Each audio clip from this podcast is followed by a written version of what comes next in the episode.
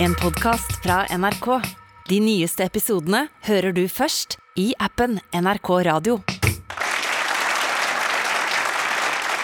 Og vi i Utakt eh, burde invitert mer eh, kjente gjester, altså kjendiser som har en agenda, som for eksempel skal gi ut en bok, som eh, skal være med i en ny TV-serie, som skal være med i film, som skal gi ut plate, eller som... Jeg, jeg vet at det er veldig populært, men jeg syns ikke at vi skal gjøre det. Ja, men alle har jo det. Ja, alle har det, derfor skal vi ikke ha det. Å, ja. Vi skal være utakt. Ja. Så da er det kanskje mer på sin plass hvis vi eksempel diskuterer plassmangel på kjerkegård. Det er litt, det er litt mer annerledes. Det er ikke vanlig i underholdningsprogram om å snakke om plassmangel på kirkegård, derfor så kan vi godt gjøre det. Ja, ja, men altså, det, det er jo reelt. Ja, absolutt. Altså, Jeg er ikke helt bombesikker på dette, men jeg tror at hvis jeg dør nå, så er det mulig at jeg må, må begraves ikke på den nærmeste kirkegården, men på en annen. Sier du det langt vekke? Et stykke, ja. Ja vel. altså Ikke i gåavstand, nei. Nei. nei altså Du må, du må kjøre. Du snakker kortesje. Ja. Ja. ja, ja. ja. Altså, så så det, det er mye mulig, og dette er jo et kjent problem. Mhm. og, og, og derfor så er det jo kommet opp ting liksom sånn Urnelund, for eksempel, for det er jo plassbesparende. Ja. Ja. En, en oppfordrer nærmest kanskje til det, Ja, og folk er skeptiske. ja der er de is som eh, kvier seg for kremering. Mm. Ja. Jeg, jeg, klarer ikke helt å, å se hvorfor. Jeg, jeg kan skjønne det. Det er jo et eller annet skummelt, groteskt med det, tenker jeg. Og så vet vi liksom ikke hva som er på den andre sida. Nei, men du er på en måte ikke til stede akkurat der og da, og, og hvis du snakker om groteskt, så altså det som skjer eh, six feet under, Mm. det, det er jo ikke mindre Nei, det er ikke det. Nei, Men, men, men, jeg- men jeg har et lite forslag. Altså Hvis du uh, kvier deg da for, uh, for kremering og, og går for, for kistebegravelse, Mhm. og har, uh, innser at det er plassmangel, På kirkegården, ja, hva foreslår du da? da foreslår jeg vertikal begravelse. Ja, vertikal begravelse. Ja, altså du har jo vært, du har vært i begravelse. Ja, vi har jo vært i begravelse. Vi har det. Vi har jo det, sant? Og, og, og, det er jo et ganske svært hål, Mm. så det blir gravd. Yes, som kista horisontalt skal senkes ned i. Eh, Og jeg tenker bare i det hålet som, som er gravt til, til horisontal eh, gravferd, Mm. er det potensielt plass til tre, kanskje fire På verti vertikale. På høykant. Ja. Det er mulig du må bitte litt lenger ned. Ja, må du det? Altså, Du skal jo ned til frostfritt, men jeg vet ikke om det er på en måte bånden som skal være frostfri. Om det, om det holder, sånn at du, For da kan du jo nesten ha det hullet du allerede har, og så går du vertikalt. og så, du må vil- passe på at du ja, ikke får håndtak ja, igjennom. Ja, du, ikke, du vil ikke ha håndtak oppi bedet. Nei, det, det vil du ikke. Så du må, du må litt, litt lenger ned. Ja. Så, sånn at i hvert fall det, det går. Men, men du, du ser den? Ja, jeg, jeg, klart jeg ser den, men det er nok Er det ikke noe uverdig med det? Hva da for? Det er bare at du ikke, du, du er ikke vant. Det er jo ikke noe verdighet med, med om det er horisontalt eller Du skal ikke bære horisontalt ut av kirka? Det skal du ikke. Nei, det skal du ikke. Der kan det verdighetsspørsmålet ditt komme inn, for det ville bare sett dumt ut. Ja. Så, så du bærer på vanlig eh, vis, men, men jeg tror rett og slett eh, igjen at det er bare fordi du ikke er, er vant med tanken. Altså, jeg ser jo for meg at du kunne fått en mer sånn begravelse som du hadde til sjøs, som jeg i hvert fall har sett på film i, i gamle dager. Jeg vet ikke om det er sånn lenger nå at folk blir begravd til sjøs, men da er du liksom ut på nesten som en sånn liten planke, Ja. og så tipper du ned i havet vertikalt. Skjønner. Og det samme kunne du gjort her. I stedet for å liksom senke kista sånn som du er vant med, så får du den der lille tippbevegelsen som du har til sjøs. Okay. På jord til jorda du kommet, og jord skal du bli. Og mye bedre plass. Og du hadde sluppet kortesje og alt sammen. Ja, ja, ja. Mye bedre plass. Og, og i tillegg her, eh, så her kunne dette gitt eh, rom for en ny oppfinnelse som jeg har klekt ut. Enda en. Ja. Har, har du sett sånn pålebår? Altså jordbår? Altså det ser jo ut, ja det ser mest ut som en sånn så, så du borer hål i isen når du skal ut og pilke pilke Ja, bare mye større. Ja. Ja. Så, så freser den opp jord, og så setter du ned i en påle hvis du skal lage gjerde. Langt gjerde. Ja, ja. En, forvokste sånn en. Til boring av vertikale hull. Ja, altså hvor mye må du ha? En, en meter i diameter, holder 80, jeg vet ikke hva holder, og så kommer den, freser ned til frostfritt. Men da må du ha minigraver, da, eller et eller annet så den skal være festa på. Ja, du må ha en, det, dette, er nytt, dette er jo et nytt konsept, og der kunne Norge da vært foregangsnasjon, både i vertikal begravelse og i eh, å lage dette nye utstyret. Det kunne blitt en eksportartikkel, for, for dette er et problem worldwide. Dødstung start på programmet i kveld. Ja, Blytungt. Ja, men, og, verre skal det bli. Nei, sier du det? Nei, men altså, jeg tenker, nå, nå skisserte jo vi eh, en løsning eh, for de som er skeptiske til eh, krem, kremasjon, men som innser at det der er plassmangel på, på kjerkegårder. Vertikal gravlegging. Ja, og da vil det bare være rett og rimelig av oss, som det programmet vi er, der vi skal balansere og alle skal få, at vi også skisserer løsninger for de som ikke er så skeptiske til kremering. Altså, det går an å tenke ut forbi boksen der også. Den kom litt feil ut. Den, den, den hadde jeg ikke tenkt på, faktisk. Men hvis jeg skal tenke ut forbi boksen Ja, eller ut forbi ørnen, Ja. eh, så, er det løsninger. Altså, du har jo da eh, selskapet Eternal Reefs. Ok. Eh, det har ingenting med Jim å gjøre. Nei. Nei. Altså, reef er jo da rev. Ja. Eh, og det som er greia er at når du da har blitt kremert, så har du denne asken. Så tar dette selskapet og blander den asken med en form for sement, og så lager de da en, en dings. Altså noe som, som ser ut som eh, en liten buskas, på en måte. De støyper da eh, en bit, og så blir det senka ned til et rev. Og så dette med å bygge opp mot et korallrev. Den lille biten, den lille figuren, den lille armen, sant? Å ja. Det blir en gedigen undersjøiske kjerkegård. På en måte. Og, og, og da vil fisker trives der og finne gjemmeplasser i dette kunstige revet av døde folk og sånn, og så blir du en del av økosystemet igjen. Fins dette revet? Ja, ja, ja. Det, det er jo United States of the USA, selvfølgelig. I Eternal Reefs. Jeg trodde kanskje det var i Dødehavet, men ikke der. Nei, så jeg, og jeg vet ikke hvor stort det er. Altså, jeg vet ikke hvor omfattende det er, men, men det, det lar seg gjøre, og det, og det går an. Og det her kan jo... Altså, dette er jo et forslag til norske begravelsesbyråer også, som jo vi vet har, har klart å tenke alternative tanker før, annet med selvbyggerkiste osv. og så videre. Og så kan du da for eksempel eh, gjøre som han som fant opp Pringles-boksen.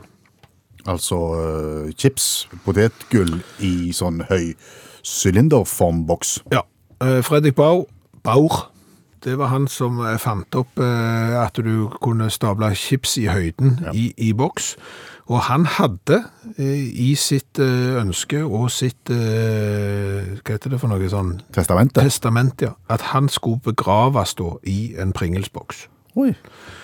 Og, og når han døde da i 2008, så gjorde ungene akkurat det som faren hadde fortalt. Han ble en godt voksen mann på 89, og han skulle få sitt ønske. Så på vei da eh, til, til gravferden, så kjørte de innom eh, Valgrens, og så eh, kjøpte de Pringles på veien. Og så diskuterte de veldig, eh, søskenflokken eh, mellom, eh, hva for en type tror vi far hadde satt pris på å bli begravd i, og de gikk for classic. De gjorde det, ja. Altså, de gikk for den der eh, Den røde røde. salt, salt ja. Eh, Så var det ikke plass i Pringelsboksen helt, så noe gikk i Pringelboksen, og noe gikk i urna. ja. Ok. Så det går an å tenke ut forbi Pringelsboksen og urna. Skal vi si at vi er ferdig med døden nå? Jaha, det var ikke mer. Sett nå kaffekjelen over og slapp av, og kos deg litt. Hallo, ja? Hallais, Klingsheim! Hei, Stavanger-smurfen. Stavanger-kameratene, go, go, go! Jeg skal trege deg igjen. Nå skal Viking til Bodø i kuppen. Det var en forferdelig enkel seier mot de der YMCA. Ja. Du! Ja? Har du lyst til å kjøpe deg en, en utrangert uh, Mercedes? Er det den samme Mercedesen du nevnte forrige uke, som dere forsøk, forsøkte å kjøre, kjøre på frityrolje? Ja, Vi kjørte den på frityrolje òg, eh, en god stund. Eh, utrangert er vel kanskje litt feil. Han er lettere brannskadd. Det var ikke en suksessoppskrift dette her med å kjøre bil på frityrolje. Ja, han er vel mer totalskadd, faktisk, i brann, ja. Akkurat. Nei, altså det som skjedde var jo at eh, det har jo vært kobla en del i den motoren for å få han til å svive på frityrolje, den bilen. Og der har vi nok ikke vært gode nok med de der eh, slangeklemmene og sånn. Sånn at den der frityrolja, den spruta jo litt ut i motorrommet over den gloheite motoren og turboen og det der greiene der. Og jeg vet ikke om du har kokt over sånn frityrgreier noen gang. Har du gjort det hjemme? Det ser ikke bra ut. Ser ikke bra ut. Det brenner jo som nøkken.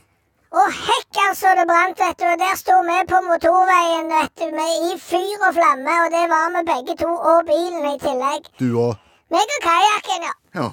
Så nå sviver ikke den så godt, og jeg tror ikke det er vits i å fikse den, så den er nok mer sånn skrapjern. Så hvis du trenger bi billig skrapjern, så har du en Mercedes du kan få kjøpe. Ikke interessert. Ikke interessert? Nei. Du må tenke kreativt, Klingse. Ja, Kvinnesland heter jeg. Var det ellers noe? Ja, samme det. Du må tenke kreativt. Det er det som er feilen med deg. Ja Altså, du er for konservativ i tankegangen. Du ser bare murer der det er åpninger. OK. Sånn som meg, for eksempel, da. Ja. Nå kunne jeg lagt meg ned. ja. Og så kunne jeg deppa pga. at det står en utbrent eh, Mercedes en plass. Jeg gjør ikke det. Nei, du gjør ikke det. Jeg er on the go. Hva er på, på bedringen nå, da? Det nye reklamebyrået mitt. Et nytt reklamebyrå, ja. Ja, det er genialt. Er det? Ja, det er så genialt. Du, Ja. har du lagt merke til at når reklame kommer på TV, da skrur du av lyden? Ja. Du gidder ikke. Nei, nei, nei. Reklame er drit. Ja. Og du orker ikke. Nei. Du muter TV-en. Nye reklamebyrået mitt, det er sånn eh, stumfilmreklame. Ja, OK. Og da er det sånn at folk skrur av lyden på TV, men allikevel så kommer reklamebudskapet rett i fleisen på dem, for jeg har lagd sånn stumfilmaktig. Sånn at de driter i om det er lyd, de får det med seg likevel. Har du gitt reklamebyrået ditt et navn? Stavanger-smurfen eh, Silent Commercial Go Go Go. Kanskje litt langt når jeg tenker meg om. Ja, det var, det var langt. Ja. Kanskje bare Silent Go Go Go. ja. Eller Go Go Go. Mm. Altså, det, det, det er ikke ferdig, men, men det her, her er det et eh, kanonmarked. ja okay. Altså, De aller fleste skrur av lyden, og da har jeg et tilbud. Så dette her tror jeg alle de store bedriftene i Norge kommer til å omfavne som bare det. Silent commercial is the new commercial, Klingse. Kvinnesland. Samme kan det være. Det er den nye commercialen for det. Uansett hva du mener. Herre, hva du sier. Og hvis du nå hadde sett muligheter, så hadde du spytta penger inn i dette her det eventyret av et foretak. Sant? Men det gjør jo ikke du. For du er sånn Ja, du er bakpå. Det er ikke mer å si. Hører du sier det. OK. Orker ikke snakke med deg mer når du er så jækla bakpå. Du trenger jo ikke, du trenger ikke ringe. Det er ingen som tvinger deg til å ringe. Noen må jo løfte det der programmet ditt. Altså, det er jo Ja. timevis med røderaddel. Det er jo ikke et smart innlegg bortsett fra det som jeg byr på. Case closed. Takk for praten. Ha det. Ha det.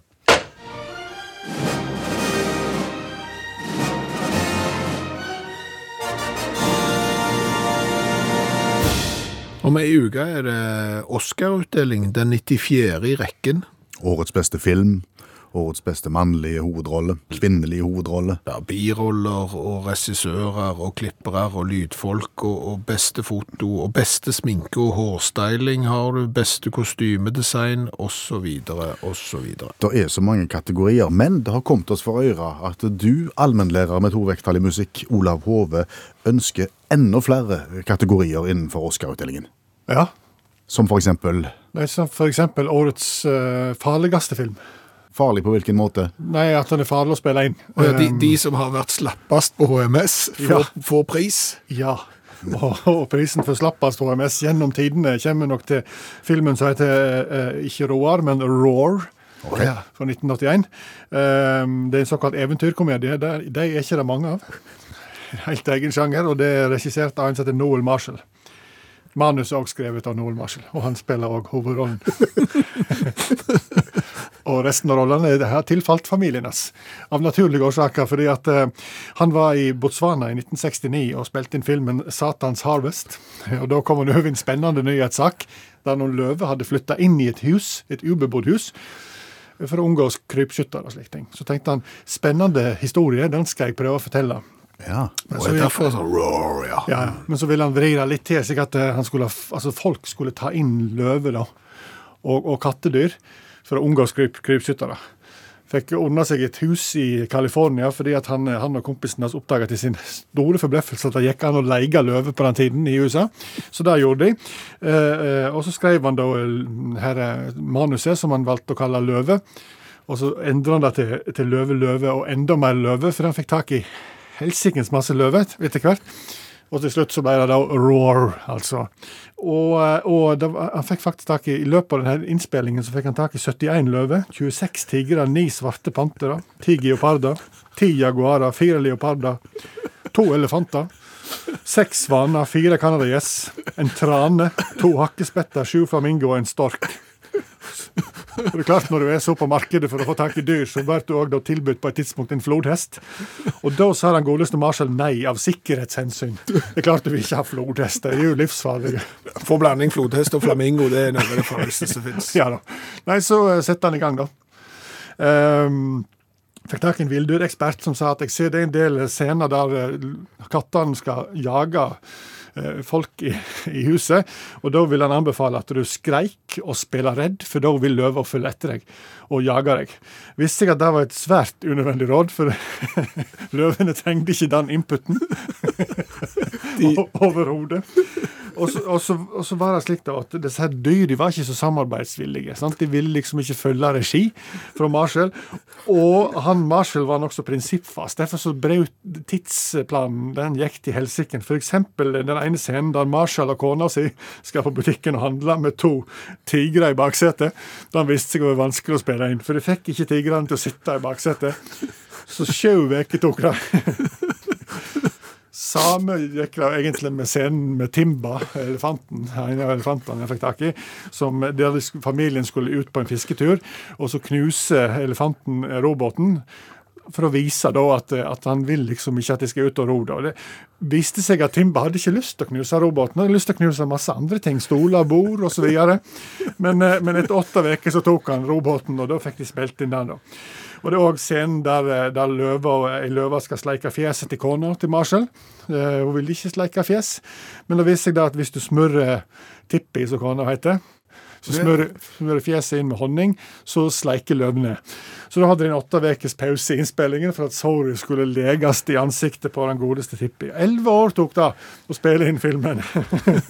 Men, men, okay, men eh, mange omkom her, eller hvordan? Ingen omkom, men 140 personer var involvert. 106 ble skada i løpet av innspillingen. Best gikk det utover Marshall sjøl, det skal han ha. Han var innlagd sju ganger med brudd, sår, blodforgiftning og til og med koldbrann på en periode. Han var ikke seg sjøl før i 1990. Kona sitt lengste fravær var tre måneder etter at elefanten da det samme Timba Hun skulle sitte på snabelen så og han løfta opp i et tre, for så å riste henne ned fra treet. I tillegg så var det en dam som røk i nærheten av det, så settet ble oversvømt, og hun fikk masse våte og sure løv i tillegg. Fikk ingen pris, men det burde han fått. Verdens farligste film. Absolutt. Takk skal du ha, allmennlærer med to vekttall i musikk, Olav Hove.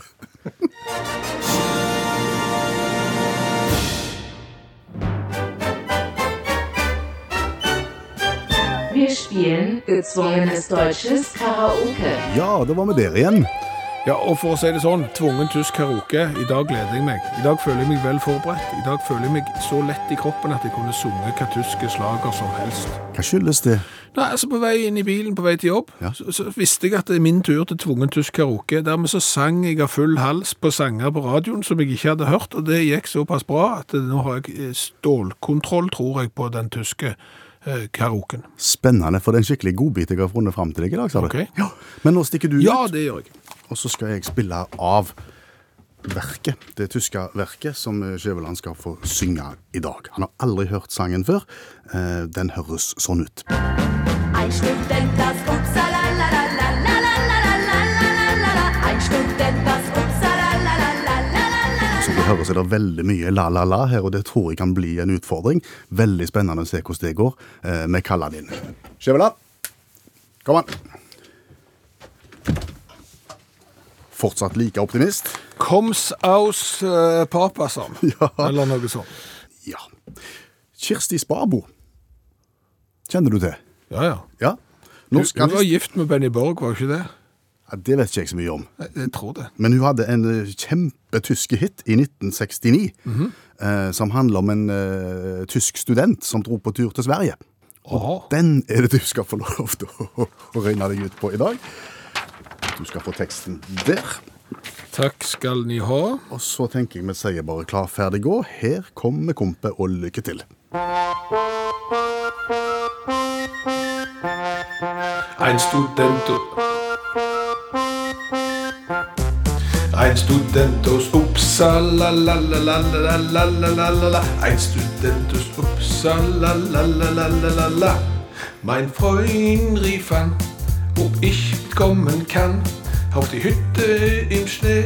Und ich sagte okay In der Sonne im Mars Da verloren ich mein Herz. Als wütend mal der Student av Uppsala Ein Student. La la la la la la Ein Student aus Uppsala La la la la la la. Er det slutt. Jeg sa mens du var ute her at det ville bli en del lalling som, Ja. som, som kom til å bli en utfordring, og det ble det. Jeg synes jeg lalla på nivå med de beste lallerne i eh, Europa, for å være helt ærlig. Der, der jeg synes jeg sleit, var på verset. Der fant jeg på en måte ikke noe rød tråd, bokstavelig talt. Men det- altså, Ein Student, det, der er jeg ganske bombesikker på at jeg har truffet rett. Vet du hvorfor at dette her ble en hit? Blant annet. Fordi at det er jo et fiffig ordspill, med Uppsala la-la-la-la-la. Ja, og at uh, la er på en måte på tysk liksom sånn Oi sann, Uppsa, Uppsala. Oi, er det såpass? Ja. Hei sann, hopp upsalala. ja. La, la, la, la. Og originalen til Kirsti Sparbo, den ja. høres sånn ut.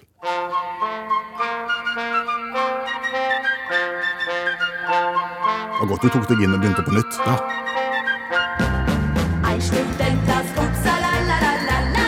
Der er god. Så sliter jeg. Meine Freundin ritt an, ob ich mitkommen kann. Hütte var det egentlig bare trist. Der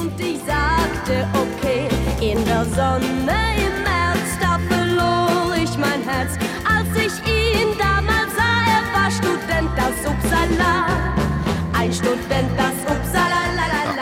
Vet du hva? Jeg vil si refrenget sto til laud, verset det var stryk det som er helt sikkert, er at både du og meg, og kanskje 250 000 andre nordmenn som hører utakt akkurat nå, kommer til å synge ganske mye Oppsalalala. Studenter hos Oppsalalala Beklager at vi ødela kvelden for deg. Og ikke glem at du fikk den i Gezwungenes deutsches karaoke.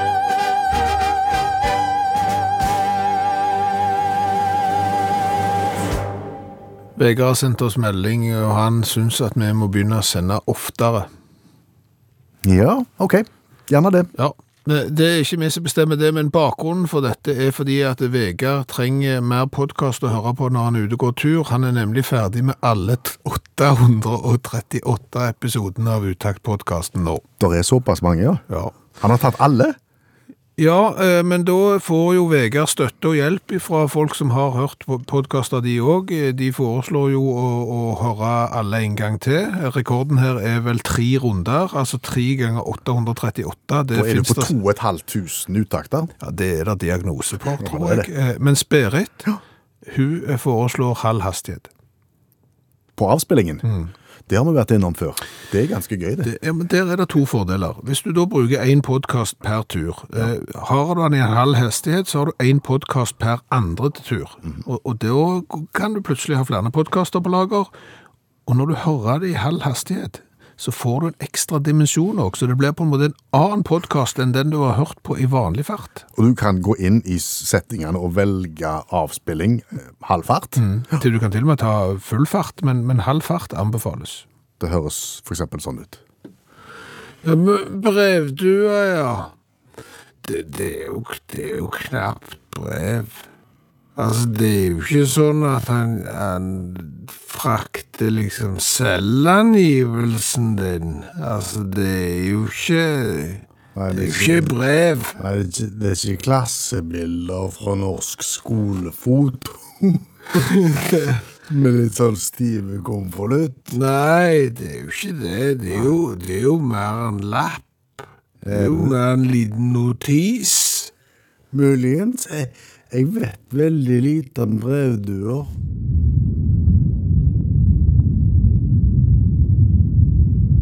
Fikk ikke med oss dette jordskjelvet heller. Nei, det var dunder og brak i grytidlig i dag. Kraftigste jordskjelvet på 33 år har i dag rammet Norge ca. 138 km vest for Florø, mm. ute i Nordsjøen. Halv sju-tida på kvisten. Ja, 06.33. Og da er det jo sånn at når vi lager uttakt seint på kvelden, som i dag, så kan vi sove litt lenger frampå på mandagen. Ja. Sove oss gjennom hele greia. Ja.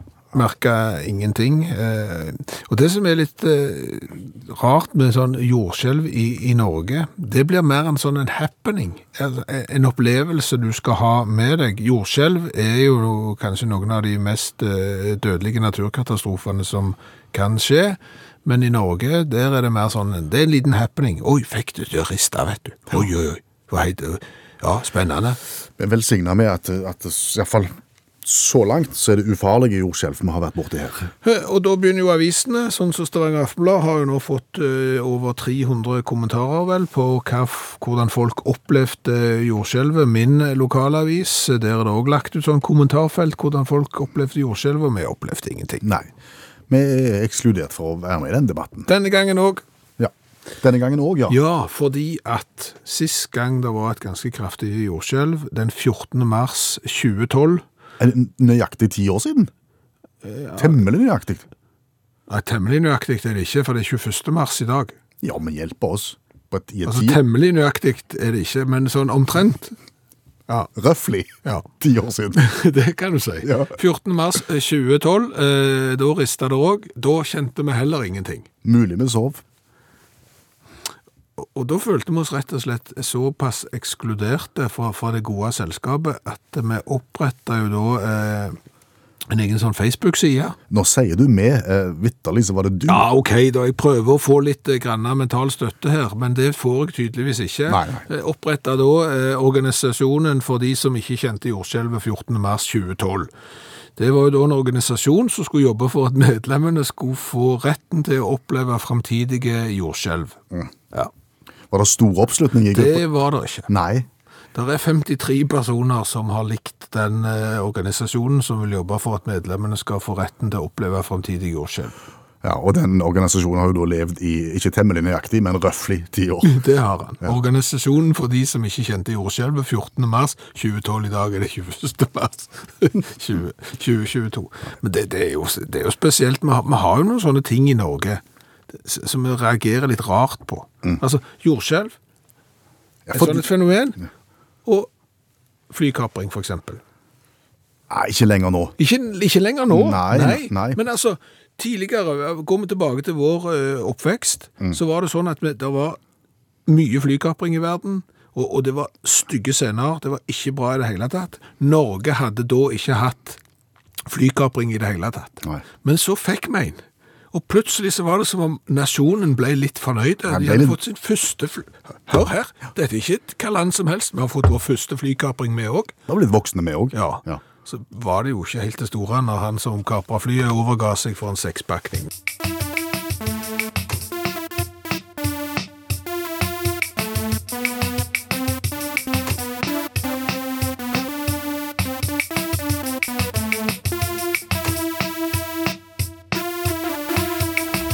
Vi skal til Italia. Vi skal til Rimini. Vi skal til den italienske rivieraen, for der produserer de eh, cola. Og hvis denne colaen vi i dag skal teste, hadde vært en film, Så hadde det vært Galvanina, the sequel. The Sequel. Altså, det har kommet en før. Altså, vi har svar, smakt Galvanina Cola før. Eh, en eh, høyreist, eh, flott flaske eh, med sånn innprega Hva kan du si? Litt sånn mønster som det er på norgesglass, bare mye finere.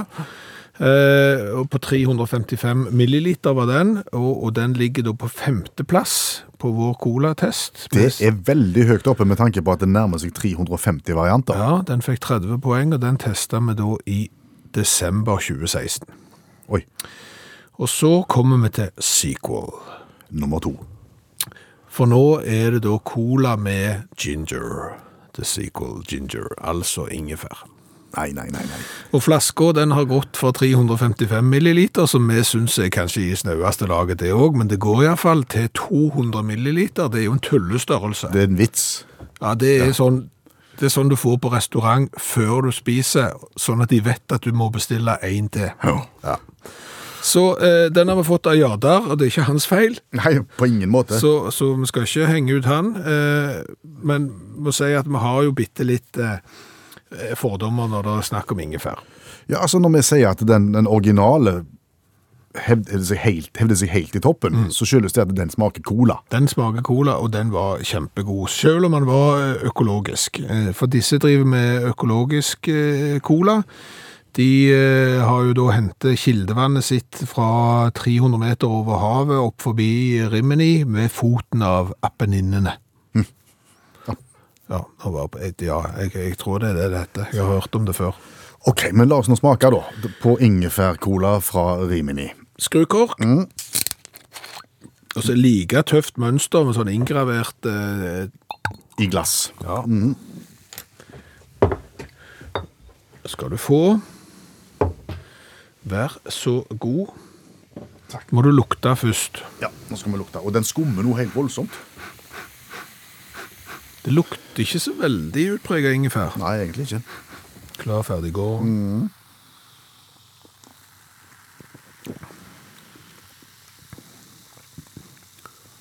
Den smaker bare god cola. God? Ja. Må du slutte opp.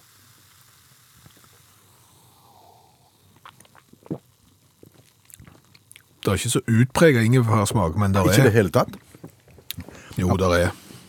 Der er. det- Nå må, nå må du, nå må du, Ja, vet du gå i nå- deg- nå må du Hvis du ikke kan gå i deg sjøl, så må du gå i andre. Ja, men jeg, jeg skal gå i meg sjøl, fordi at nå, kjenn, nå, nå vil jeg gjette på at det hadde stått en liten skvett Zalo igjen i, i koppen her.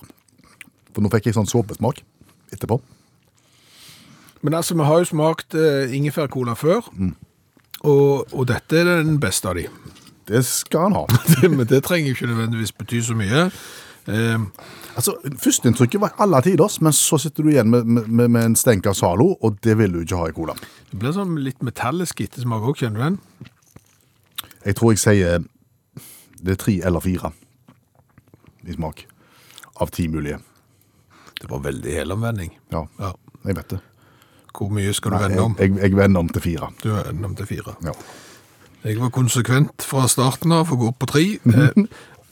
Eh, altså, flaska er Flott. flott. Eh, han er altfor liten, det trekker ned. Og så står det ginger, det står ingefær på han, det trekker ned. Så hvis vi sier at han er ni i utgangspunktet, så trekker jeg av Han får fem hos meg. Han ender på fem. Jeg trekker av tre, eh, seks, gjør jeg. Ja, okay. Så Ni- dette er en ganske vond cola som får en ganske høy poengsum. 18 totalt for eh, Galvanina ingefærcola. Ja. Ja. Eh, Vi anbefaler den eh, vanlige. Det er en merkedag i utakt i dag. Ja, det er det, fordi at du er jo medlem av Utakt. Jeg er medlem av Utakt. Olav Hove er medlem av Utakt. Bestemor mi er medlem av Utakt. Og så har vi hatt de siste åra et hemmelig medlem av Utakt som vi aldri har truffet. Nei. Redaksjonens hemmelige medlem har sendt oss masse tips og ideer til innhold, og samtidig sluppe ut litt og litt og litt informasjon om seg sjøl. Jeg står her med en treboks med, med flere ideer i. Vi har fått eh, brev. Nå senest har vi fått Utakts håndbok i nye norske ord og, og uttrykk. Så det drypper stadig på eh, klokkeren Utakt. Ja. Men nå er dagen kommet. Eh, vedkommende som da har framstått som hemmelig medlem, har dingt på døra og står her i all sin prakt. Velkommen til oss, Hans Martin Sveindal. Tusen takk. Det var rørende å se deg. I like måte. Det vi lurer på er hvordan oppsto denne ideen om å fòre oss med, med tips og, og gjøre seg sjøl til et hemmelig medlem? Det begynte sommeren 2020. Ehm, Da hadde jeg mye tid i bil fram og tilbake til jobb eh, og hørte på eh, radio. Er P1-lytter, og da dukka Utakt opp hver eneste dag. Um, og jeg ble veldig fascinert av programmet. Jeg hadde hørt om det før, men jeg satt og koste meg den timen i bil på vei hjem fra jobb. Eh, og så tenkte jeg på at du verden, dette er jo veldig, veldig bra. Det må jo være et av Norges morsomste program. Eh, Nå, nå merker du. Nå smiger det alltid godt. ja, ja. Kjempegjest. Nei, men det var, det var veldig, veldig moro. Og så tenkte jeg at det må være utrolig vanskelig for to, eh, to stykk i studio å komme på så mye bra tips hver eneste dag, dag etter dag. Og så tenkte jeg det, kan jo skje noe. Det kan komme en sykdom, det kan komme en, eh, et eller annet som kan skje. Og hva skjer da? Det kan bli idétørke. Så tenkte jeg at ja, kanskje jeg kan bidra litt. Og så sendte du da av gårde en mengde med tips til oss, men aldri under fullt navn. Eh, bare da underskrevet som redaksjonens hemmelige medlem. Hvordan kom den ideen? Hvorfor kunne du ikke bare si hvem du var? Nei, jeg hadde ikke noe behov for å si hvem det var. En ubetydelig eh, mann eh, fra Kristiansand. Men så kom det litt og litt informasjon, så, så vi begynte jo å spole oss inn på hvem du kunne være etter hvert.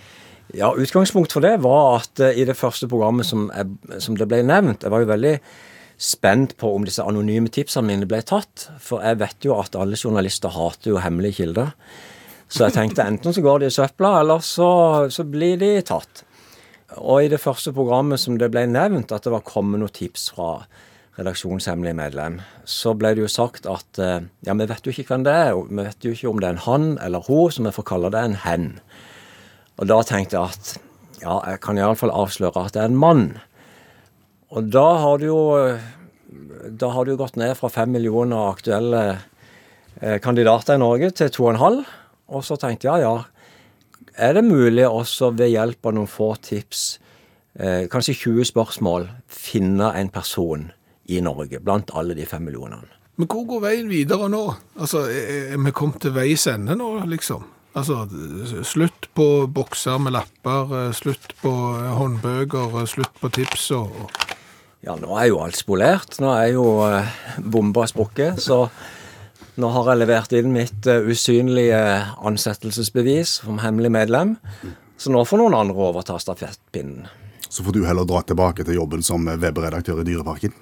Ja, det gjør jeg med glede. og, og dere har fått ny sjimpanse? Eh, ikke ny sjimpanse, men ny sjimpanseunge som ble født i vinter. Har fått navn?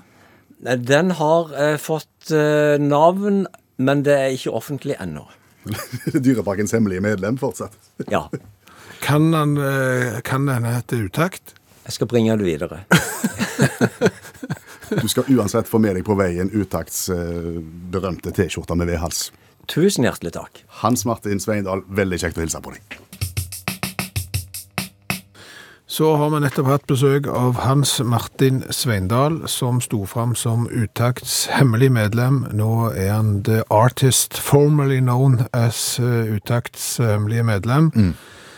Men vi tenkte, i anledning besøket, la oss ta fram boksen med tema som Hans Martin har gitt oss. Ja, og finne et tema. Sjokoladen Smil. Mm, den kjenner vi. Ja. Den er skapt for å deles, og sånn har han blitt markedsført som, og sånn blir han fremdeles eh, markedsført som. Ja. Hvorfor inneholder han 13 biter? Godt poeng. Ja. Fordi at eh, 13 er jo ikke så lett delelikt. Nei, ikke hvis du skal dele likt i hvert fall. Nei, Da må du være 13 mann, og det er én til hver. Ja, Da er det ikke vits i, for det er, sånn, det, det er de som klarte å ha én sjokolade en hel forelesningsdag, og i tillegg ikke drikke opp en halv liter med, med cola i løpet av en hel forelesningsdag. Sånne mennesker er det ikke mange av. Nei. Nei. Eh, Så det blir vrient å dele opp på 13. Ja. Er, er 13 et sånt primtall? det er primtall, ja. Bare delt med seg sjøl? Og en. Og en, ja. Altså primtallvarianter som skal deles av godteri, det, det går ikke opp, det. Nei, det, det, altså, skapt for å deles, primtall, bare deler de med én og seg sjøl. Ergo så er det enten deler han på 13 eller sjøl, og da beholder du han sjøl. Ja, ja. så da er han ikke skapt for å deles lenger. Jeg har Jeg må si jeg hadde en teori. Du bare, du bare hadde den, har den ikke lenger. Altså, Min tanke var jo at dette var jo det samme som var skjedd med smilen, som har skjedd med halvliteren.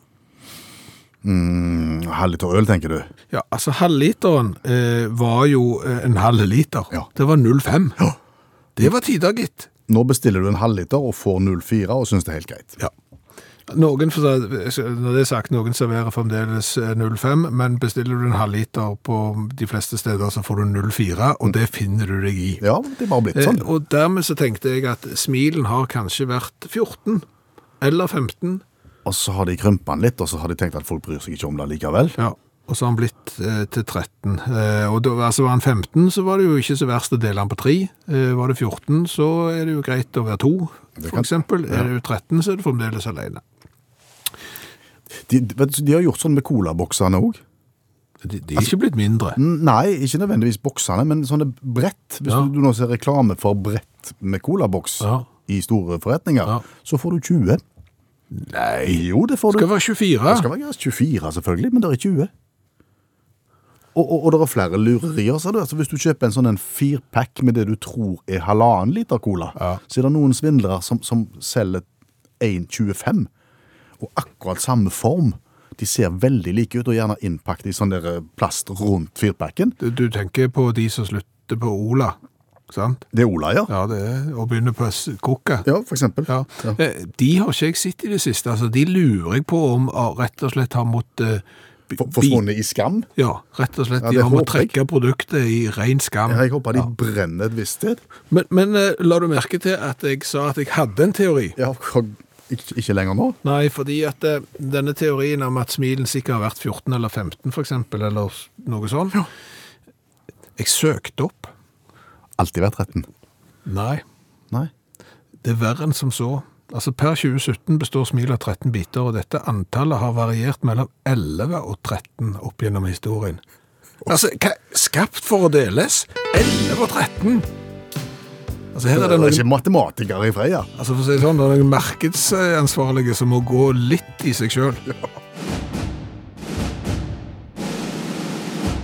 Om ei uke er det Oscar-utdeling, og i eh, første time av Utakt i kveld så hørte vi at til tross for at det er et vell av kategorier det går an å vinne i, så er det noen kategorier som er savna, bl.a. kategorien Årets farligste film. Ja, Allmennlærer med tovektig musikk, Olav Hove, det var du som lanserte ideen om flere kategorier. Ser du for deg enda flere enn årets farligste film? Ja, Vi kan ta årets farligste film å se på, for eksempel. For der finnes det òg, nemlig. De har, har de opplevd noen ganger at folk eh, har tipsa dere om eh, kritikerroste filmer som de har sett, og så syns ikke de han var så bra. Ja, ja, ja. Det- Og den må du se. Det er Ja. det beste jeg har sett. Og så møter du det igjen, og så kan du ikke si at vet du hva, det der skjønte jeg ingen verdens ting av. Riktig. Europa heter den filmen som jeg så. Ja, og For ikke mange uker siden så ble jeg tipsa av en bekjent om, om, om en film som heter 127 timer. Og, og med selvfølgelig 'Har ikke du sett den?' Og den var kraftfull. Og, for, men som han sier, det er viktig at kunst skal provosere. sant? Kunst skal, skal virkelig rive litt. sant? Kunst skal utfordre. Så jeg hadde fri en fredagskveld, helt alene, og rigga meg til med chardonnay og pop, med, med, med ostepop. Det er allerede der er du ute av den kulturelle eliten når du kombinerer hvitvin og ostepop. Ja, Det var sånn megapose som kosta like mye som en liten pose. Da kan du liksom ikke gå forbi den. Nei. Be be- betyr det at dette er i, i kategorien film som er farlig å se på? Ja, for ja, filmen, hans, grunnen til at han, når folk sier at kunst skal utfordre, så pleier jeg som regel å nikke og ikke se på det. Men nå gjorde jeg det, for han sa det handler om en, en klatrer. Så jeg det høres jo greit ut. Og det handler om en klatrer òg, som er ute og, ute og klatrer. Det er ofte det klatrere gjør. Ja, og denne klatreren, da, han, han eh, Ralston heter han, er basert på en sann historie. Han vil at ingen skal vite hvor han var. Kjempetriks. Eh, så han er uten mobiltelefon og ingenting. Og så detter han ned selvfølgelig og klemmer fast armen sin. Og heldigvis har han videokamera med seg, som en ofte har når en detter ned sånn. Så han filmer da for å oppmuntre seg sjøl, så filmer han seg sjøl gjennom eh, lidelsene sine. Han sliter jo litt. Det er jo vondt å ha hånda klemt i en kampestein. Han eh, ja, og, og fryser og må drikke, ja, kan tenke seg sjøl hva han må drikke. Og eh, kulminerer med at han da amputerer hånd, armen sin, sakte, men sikkert, med en litt sløv sånn Swiss Army Knife. Dårlig produktplassering og de greiene der. Og det er klart, ostepopen eh, sitter ikke som et skudd over vet du, på de greiene der. Og så, og så er det jo og, og, så blir jeg fulgt opp av min bekjente som sier 'Har du sett han?' Og, sant? Og jeg sier ja, var ikke det fantastisk? Så, jo, jo. S- Klart det var det. Så nå, Bjarte, hvis du hører på, det var ikke fantastisk. det var noe dritt. Og så kommer jeg over et sånt filmmagasin som heter movieline.com. da. Og de har dokumentert hvordan folk har opplevd denne filmen. Og da var de folka som ikke likte den så godt. da. Og på de to første månedene så har de dokumentert 16 besvimelser. Og det er mye mørketall, spesielt på London-visningen, der, eh, der folk på Der øyevitner har sagt at folk falt som fluer. To stykker har fått såkalt krystallsyke. Det er bra utvikla. da, sant? På Huntington Beach-visningen så var det to som besvimte, men regissør David Boyle han har sagt at de kom tilbake i ettertid og sa de elska filmen. Det er da en pleier å besvime. To var registrerte panikkanfall. Det var det i Amerika. Mange i Europa, tror de. 23 har spydd, og åtte av de fikk legetilsyn. Ei dame på 56 fikk epilepsianfall for første gang siden hun var fem år. Altså 51 år uten epilepsianfall, så så hun på skiten. Men for en film, altså. Kunst skal utfordre. Så filmen er farligst å se på går til 127 timer. Kjøp ostepop og se, folkens. Takk skal du ha, allmennlærer med to vekttall i musikk, Olav Hoven. Du, vi har jo vært på kino opptil flere ganger i dette programmet i dag. Eh, Vi har i tillegg diskutert Oscar-priser, så når vi først er i filmmodus, kunne du spilt bitte litt av In Your Eyes med Peter Gable? Det kan vi gjøre.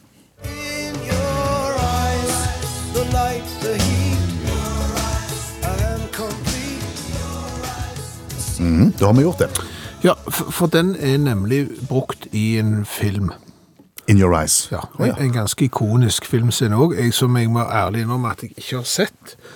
Eh, men det er en film fra 1989, eh, der eh, en eh, oh, nå står det helt stilt. Romeo og Julie.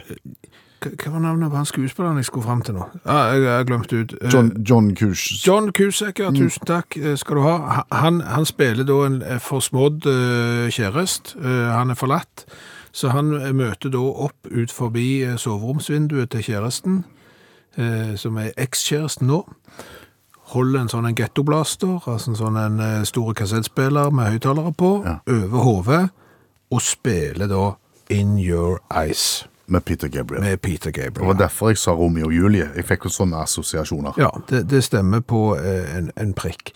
Eh, Og så er det jo sånn at du får ikke lov å bruke eh, sanger av kjente folk i film uten å spørre. Nei, så de måtte ringe Peter Gabriel. De, de måtte ta kontakt med Peter Gabriel, og han sa ja Og, og var greit? Ja, men han hadde lyst å se filmen først, før han sa endelig ja. Selvfølgelig.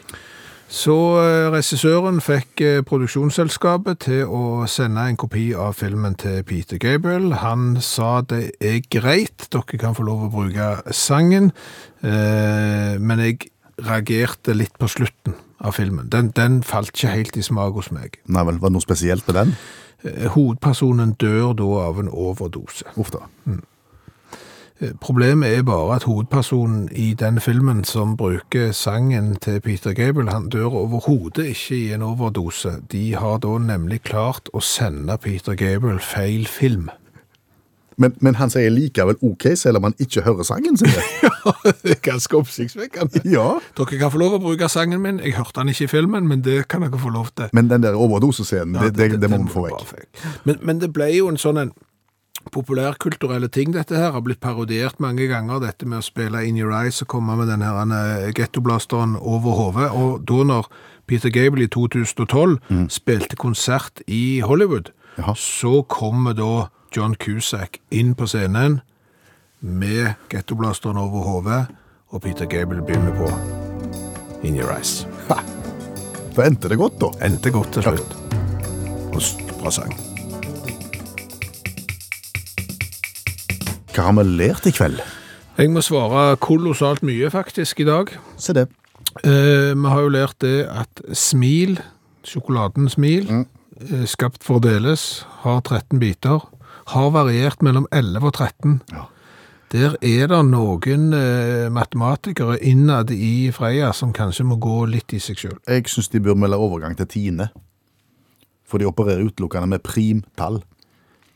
Det, det, er det er fiffig. Det er et godt ordspill. Veldig bra. Ja.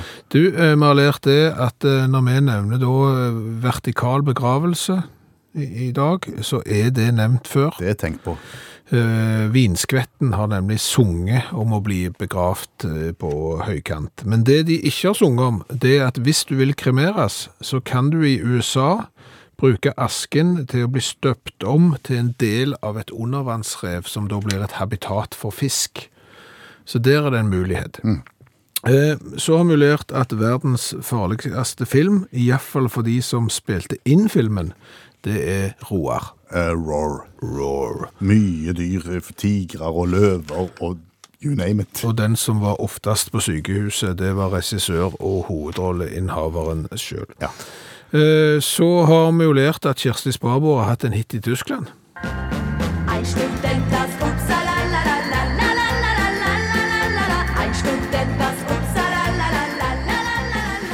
Du prøvde å, å synge du òg, det gikk sånn måtelig. Ja, men da lærte jeg at hun har hatt en hit i Tyskland, og du lærte av meg at Kirsti Sparbo har vært gift med Benny Borg.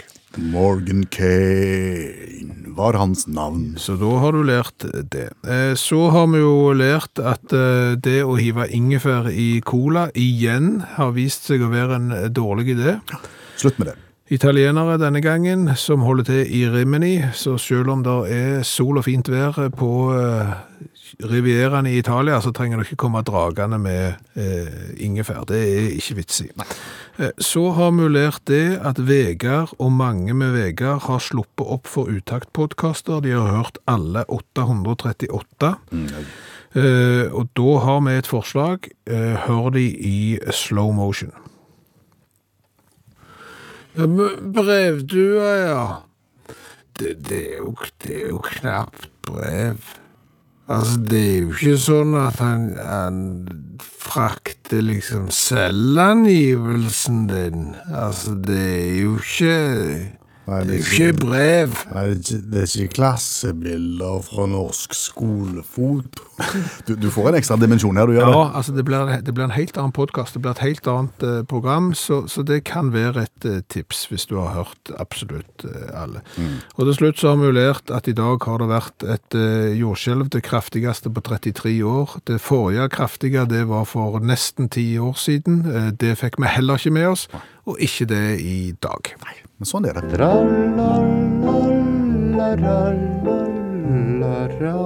Jaha, det var ikke mer. Sett nå kaffekjelen over og slapp av, og kos deg litt. Takk for nå. En podkast fra NRK. De nyeste episodene hører du først i appen NRK Radio.